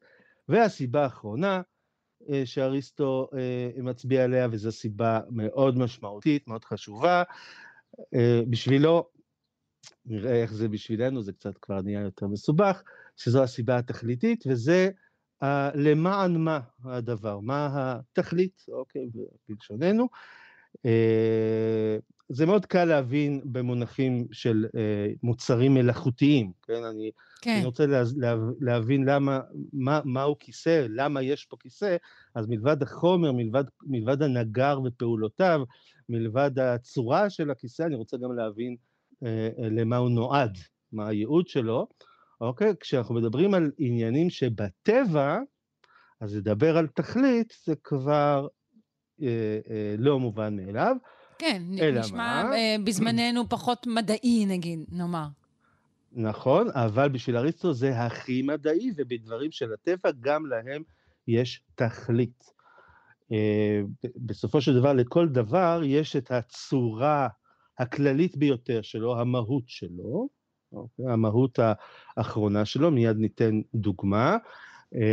כבר ניתן דוגמה, אז אני לוקח איזה בלוט, נגיד, של אלון, אוקיי? והבלוט הזה עכשיו הוא רק בלוט, אבל הוא משתנה ומתפתח, הוא מחליף צורה, אוקיי? הצמח מחליף צורה, עד שהוא הופך להיות אלון בוגר מלא ויפה, אוקיי? אז mm-hmm. הצורתו התכלית היא כמו הפוטנציאל הגלום במשהו? אפשר להגיד דבר היא כזה? בדי, היא בדיוק פוטנציאל הגלום במשהו, ובעצם מה שאריסטו מזהה בטבע כולו, כולל בעולם הביולוגי ובעולם הפיזיקלי, שכל דבר יוצא מן הכוח אל הפועל, מן המצב הפוטנציאלי אל המצב האקטואלי, ובעצם מה שיוצא אל הפועל זאת הצורה הכללית שלו. כלומר, בבלוט עכשיו כפרט, טבועה בו, טבועה בו הצורה של האלון, אוקיי? והוא נמצא בתהליך של מימוש הצורה הזאת, עד שהוא הת, מגיע התעלנות, אליה... הוא, הוא כרגע במהלך של אה, הפיכתו לאלון. אמ, נכון. טוב, מעניין מה הוא היה. אומר על, ה, על הנמר האסייתי, על, ה, על היתוש הזה בהקשר הזה, אבל בסדר, הוא לא כאן, אני לא יכולה להציק לו עם זה. אוקיי. לא, כי זאת אה, שאלה קלאסית, אתה יודע, על, תכליתו של, של הנמר האסייתי. על, על, על, לא, אז אנחנו לא שואלים על התכלית של המין, אוקיי? אנחנו גם יכולים לשאול את זה, אבל זה לא הקריטי פה. מה שקריטי פה להבין זה שהמין הוא התכלית של הפרט. Mm. אוקיי? כן. של הפרט. כלומר, במצב של, של, של אה, אה, אה, תכליתיות, סיבתיות תכליתית, אנחנו, יש לזה שם אה, יווני יפה, טליאולוגיה, מלשון טלוס, שזה תכלית, אה, סוף בעצם.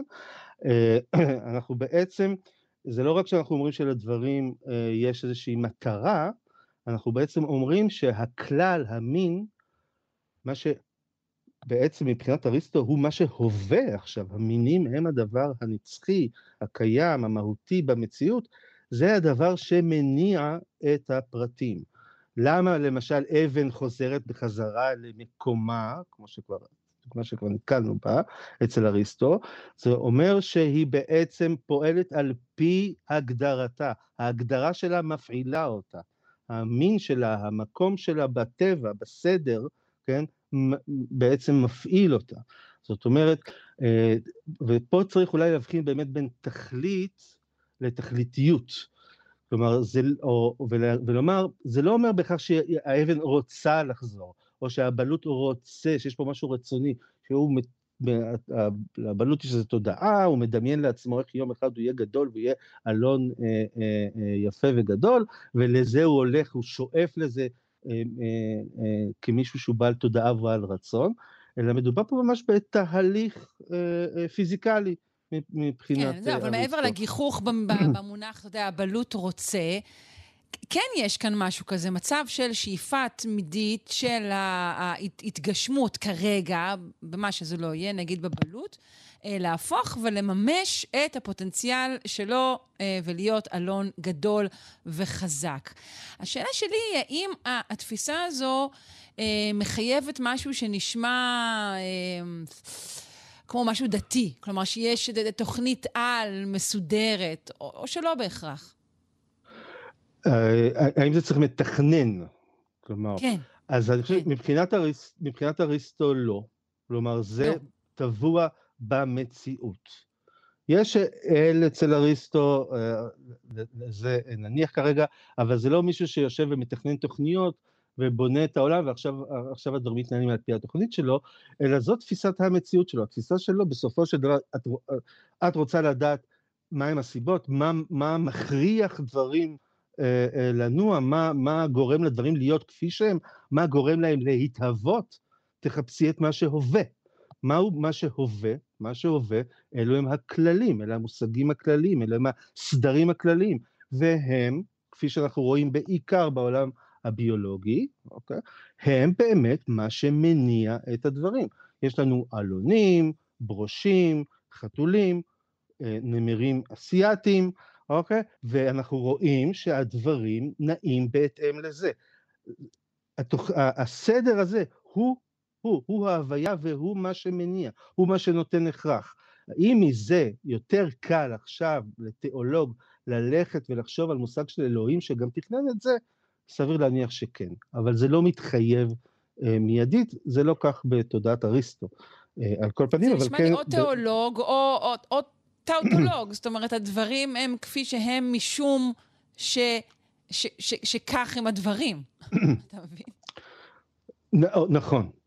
הדברים הם, וזו הנקודה שצריך, ל... יש פה משהו וזה מאוד משמעותי מבחינת האופן שבו חושבים בכלל מהי מדעיות, אריסטו, במובן מסוים המדעיות, ההסבר המדעי, מתחיל כבר מהתוצאה, הוא מתחיל כבר מהסוף, הוא מתחיל כבר מזה שאני יודע מהו ההכרח, ומהו החוק, ומהו כן. הסדר.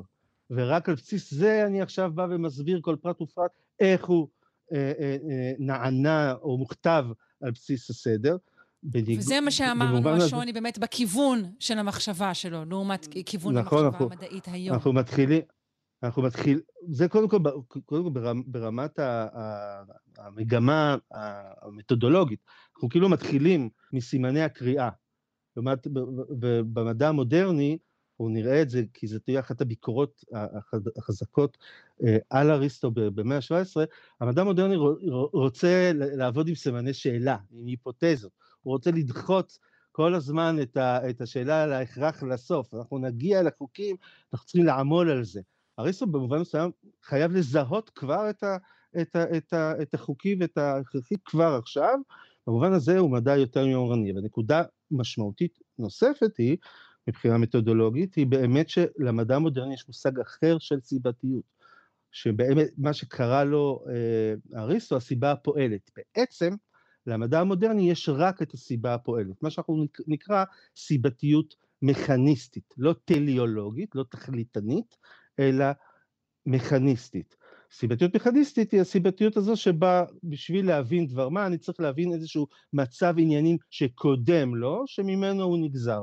אוקיי? משהו בעבר שהוא מהווה תנאי ל, ל, למציאות של ההווה, וכך לחזור אחורה בשרשרת הסיבות, ושדבר גרם לדבר, פינג פונג פגע בפינג פונג, הפינג בפונג, וככה הדברים התנהלו, ואני לא הולך כביכול קדימה או אל הכללי וממנו גוזר את הפרטי, אני מנסה להבין את הדברים אה, אה, כן. באופן מכניסטי. אה, תגיד, איך אנחנו נגיד, שוב, אני לא יודעת אם זה בדיוק בתחום ה... בתחומנו, אבל הוא משתמש באותה שיטה גם כדי לענות על למה משהו הוא טוב, או מישהו הוא רע, למה משהו הוא יפה, נגיד? זה עובד לו גם בדברים האלה?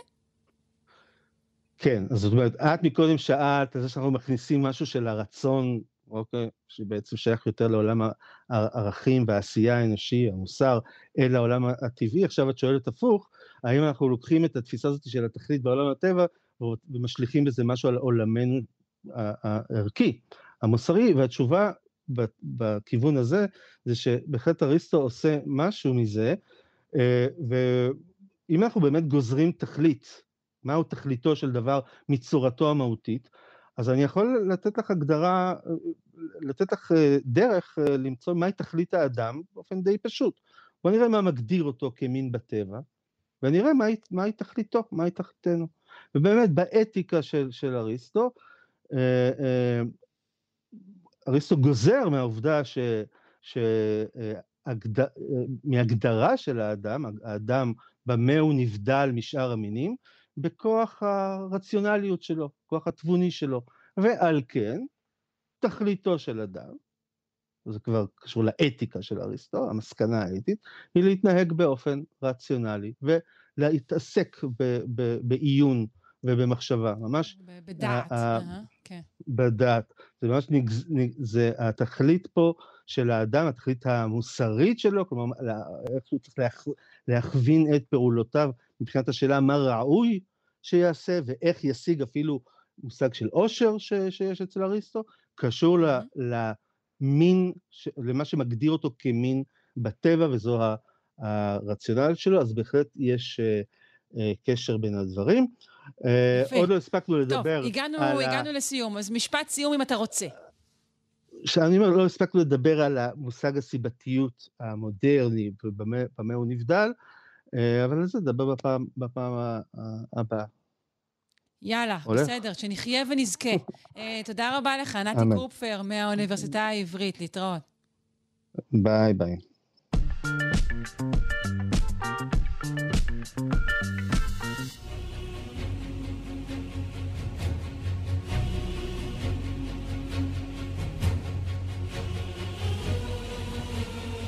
אנחנו ממשיכים עם אה, תלמידו אה, של אריסטו. הלו הוא אלכסנדר הגדול. נפנה לדוקטור אורי אמיתי מבית הספר לימודים אזוריים והיסטוריים באוניברסיטת חיפה. שלום. בוקר אור. בוקר טוב. אה, אז הבטחת בפעם שעברה שנדבר על כל מיני גרסאות ללידתו או להיווצרותו, אפשר לומר, של אלכסנדר הגדול. אז אני בהחלט מצפה לזה. כן. באנגלית יש מילה יפה, קונספשן, שזה יוצא כמו הקונספציה שלנו, אז זה קושר אותנו לענייני דיומה.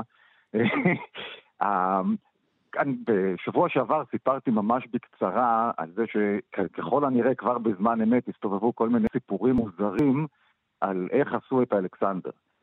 ואני רוצה עכשיו לחרוג רגע מההיסטוריה לתוך העולם של הספרות, כי אחד, אולי הדבר הכי יפה בעיניי באלכסנדר זה שהוא הפך מדמות היסטורית גם לדמות ספרותית שהיא מנותקת מהעובדות ואפשר לספר עליו הכל, כן? וזה קרה עוד בימיו? אמ, זה התחיל בימיו, היו לו, הוא החזיק על הפיירול שלו אה, אה, משוררים שתפקידם היה לפאר את מעשיו בשפה שירית. אה, אנשי, אנשי כן. מיתוג, וכאילו פרסומאים למיניהם, זה מאוד מקובל. מחזיק עד כן, ימינו.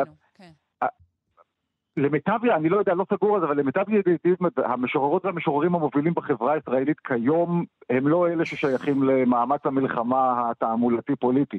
אבל לא, ניחא. לא, פשוט מה שאנחנו קוראים לו משורר הוא משהו אחר, אני חושבת, אבל בסדר. אה, זה יכול אוקיי. להיות, זה יכול להיות. הסיפור שאני רוצה להביא היום, הוא מגיע אה, לא ממש מימיו של אלכסנדר, אבל אה, זמן לא מאוד רב אחר כך, אה, אחרי מותו של אלכסנדר, המפקדים השונים תופסים חלקים שונים של האימפריה, ומי שתופס את מצרים הוא תלמי, ולכן יש לנו שם שושלת של בית תלמי שהיא 300 שנה. ובראשית ימיה אה, היו להם אה, קשיים תעמולתיים, כן, כמו שאמרת, והם היו צריכים לספר על עצמם סיפורים שיהפכו אותם למקובלים על החברה שפתאום הם משלו עליה, כן, תלמי ואנשיו. Mm. אחד מהסיפורים האלה הוא על מלך מצרים המצרי, כן, ה-Native Egyptian האחרון, שכשהוא רואה את ארצו הוא מכשף כביר, כן? הוא לא רק פרעה, הוא גם גדול המכשפים, והוא רואה בכשפיו שהמצרים הולכת ליפול ושלא משנה מה הוא יעשה, לא הצבא שלו ולא הכשפים שלו יוכלו אה, לעמוד בפני רצון האלים. אז הוא אורז הכל, מגלח את הזקן, מגלח את השיער, לובש בגדים חדשים, פשוט בורח, והוא מגיע אחרי הרבה מאוד תלאות למקדון, כן, ששם מולך פיליפוס, ומתחיל לעבוד בתור אה, אסטרולוג פרילנס כזה, מכשף ואסטרולוג פרילנס, כן. אוקיי, עכשיו, וואו. והוא טוב בזה, אוקיי? כן, אנחנו יודעים, הוא מכשף גדול. זה שעכשיו הוא לא שליט כבר זה לא אומר, כישוריו עדיין עומדים לו כמכשף, אה, אסטרולוג וכל השאר. ואנחנו נחזור למה שאמרת. אה, על, ה, כן, על הכישוריו, והוא מיד מגיע לתשומת ליבה של המלכה אולימפיה, שהיא באמת בהיסטוריה היא אימא של אלכסנדר. יש פה רמיזה על כך שנשים נוהות אחר, אה, אחר ידעונים אה, וחיזויים, או שזה לא קשור? אני לא חושב שזאת רמיזה. אוקיי. אני חושב שזה סטריאוטיפ מהבחינה הזו. אוקיי, כן. כן. אבל כמובן, גם, גם בקרב האסטרולוגים של העת העתיקה היו גם הרבה לקוחות גברים כמובן, לא צריך לחשוב שזה כן. חד כיווני לגמרי. אמ, בכל מקרה, עכשיו, הוא מגיע לנוכחותה, וכאן מתפתח בטקסט הזה, שנכתב כאמור לא הרבה זמן אחר כך בתור תעמולת תלמיד, מתחיל דיאלוג נורא נורא מוזר. וכשאני זוכר שקראתי אותו פעם ראשונה, אמרתי לעצמי, מי כתב את הדבר הזה? זה, זה לא, כאילו, שום דבר פה לא אמין בדיאלוג. עד שהבנתי שפשוט קראתי אותו בטון הלא נכון, כי צריך לקרוא את כולו בטון אה, פתייני. שכל השורות הן פתייניות, כל מיני דברים כמו, תגיד, אתה באמת מצרי? ואז הוא עונה לה, תשמעי, כל מי שבדק מקרוב... או שאתה סתם שמח לראות אותי. בדיוק. אה, אה, זה לא רחוק ממה ש... מאיך שתיארת את הדיאלוג שם, ו... Okay. ופתאום, ועכשיו זה הדברים שמחברים, את יודעת, אנחנו פה, אני יושב, קראתי, אני קורא את זה בתחילת המאה ה-21, ואת זה כתבו לפני למעלה מאלפיים שנה, רגע, מה זה... אבל פתאום זה, אני איזה, מתחבר איזה לאנשים. טקסט, רגע, איזה טקסט אה, בפועל אתה מחזיק? איפה אני יכולה לקרוא את זה? את, אה, אני אשלח לך את זה בוואטסאפ, זה קודם כל, אבל אה, מדובר באלכסנדר רומן, וזה, אה, אלכסנדר רומן זה מין חיבור כזה, אני בטח עוד יצא לי לדבר עליו לא פעם, כי זאת מפלצת ספרותית בפני עצמה, יש אפילו גרסאות עבריות מימי הביניים של זה, עד כדי כך. אה, זה עניין את כולם, את כולם, מטאג'יקיסטן ועד איסלנד יש לך אה, גרסאות בכל הלשונות של העניין הזה, ובכמעט כולן מסופר הסיפור על מלך מצרים האחרון לשעבר, שעושה בכשפיו, עכשיו אני רק אתן לך טעימה מהכשפים, כן, שתביני במה, במה מדובר פה, אה, קודם כל הוא יכול להיכנס לאנשים לחלומות, אוקיי? אוקיי, דבר שאני שזה- מכירה אנשים שעושים, כן. כן, אבל הם לא שולטים בזה. זאת אומרת, תארי לעצמך שאת עכשיו רוצה לבקש תוכנית חדשה, ובלילה לפני אה, היום שאת אומרת שאת הולכת לתפוס את אה, ראש התאגיד, את באה לו בחלום, ואת, יש לך שליטה על העלילה של החלום. את יכולה לחשוב על זה משהו הכל, שיגרום לך... הכל דברים שקרו, כל מה ש... הכל דברים אוקיי. שקרו. אז אני אשאל אותך זה, האם קרה אי פעם ששינית צורה? נגיד, הפכת לנחש, ואחר כך הפכת לאיזה כוכבת קולנוע, ואחר כך הפכת לאיזה משהו אחר, רק כדי להרשים איזה בחור. אה, לא, לא רק כדי להרשים בחור, כמובן שהיו לי סיבות נעלות הרבה יותר אה, כדי אה, להפוך לכל הדברים האלו. אז גם את מחשבת שיש- הדירה. אני, אני למעשה מחשבת הדירה שמועסקת כאן, אה, כאמור, כסוג של פרילנס. אז כל הכישורים האלה מתוארים ככישוריו אה, של הפרעה האחרון הזה, כן.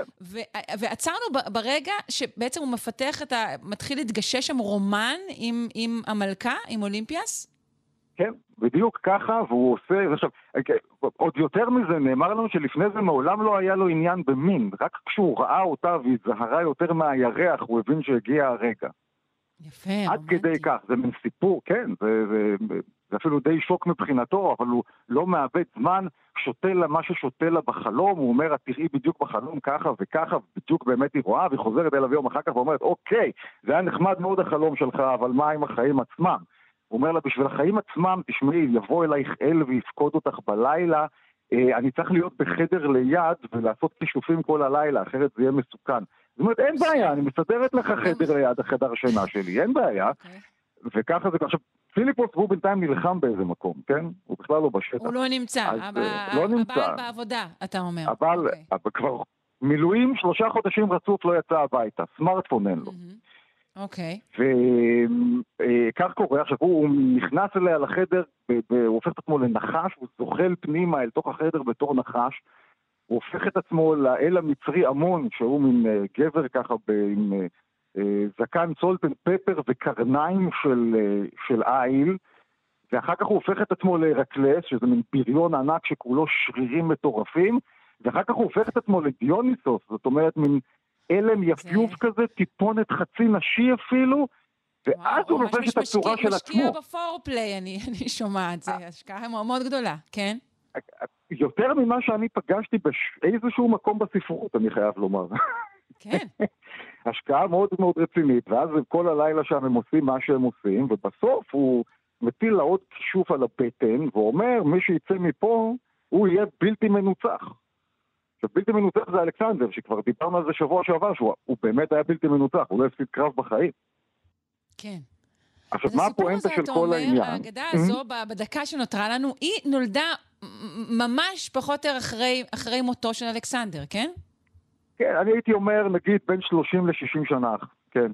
וואו. משהו כזה. מדהים. וה, והמטרה שלה, כל הרעיון הוא להגיד, הפרעה האחרון שהוא משלנו, הוא מצרי, הוא זה שהוליד את האלכסנדר הזה בכלל, וזה שהאנשים של אלכסנדר באים למשול בנו, זה אך טבעי.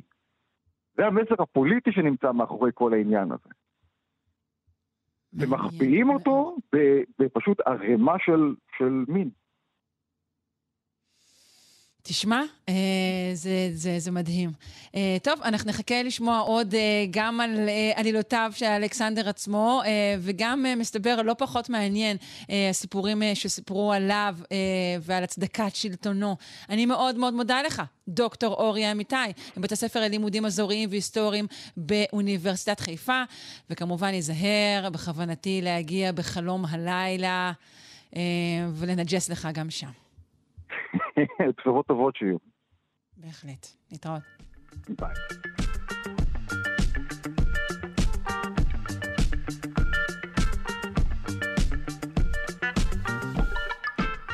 ובכן, עד כאן שעתיים שלנו, שלושה שיודעים, שעתיים שערכה אלכס לויקר, שהפיקה תמר בנימין. דימה קרנצוב היה על הביצוע הטכני. אנחנו מודים לכם מאוד על ההאזנה, ומקווים שהצלחנו איכשהו להנעים את זמנכם אה, גם אה, בתקופה לא פשוטה זו. מי שהחמיץ מוזמן כרגיל גם לשידור החוזר שלנו בשעה שמונה בערב, כאן בכאן תרבות, או להאזין לנו כהסכת אה, ביישומון של כאן, או ביישומון ההסכתים האהוב עליכם. אה, מזכירים שניתן לשאול אה, אותנו שאלות בעמוד הפייסבוק, כאן שלושה שיודעים. ממני, אה, שרון קנטור, להתראות. המשך יום בטוח וטוב. אתן מאזינות ואתם מאזינים לכאן הסכתים. כאן הסכתים, הפודקאסטים של תאגיד השידור הישראלי.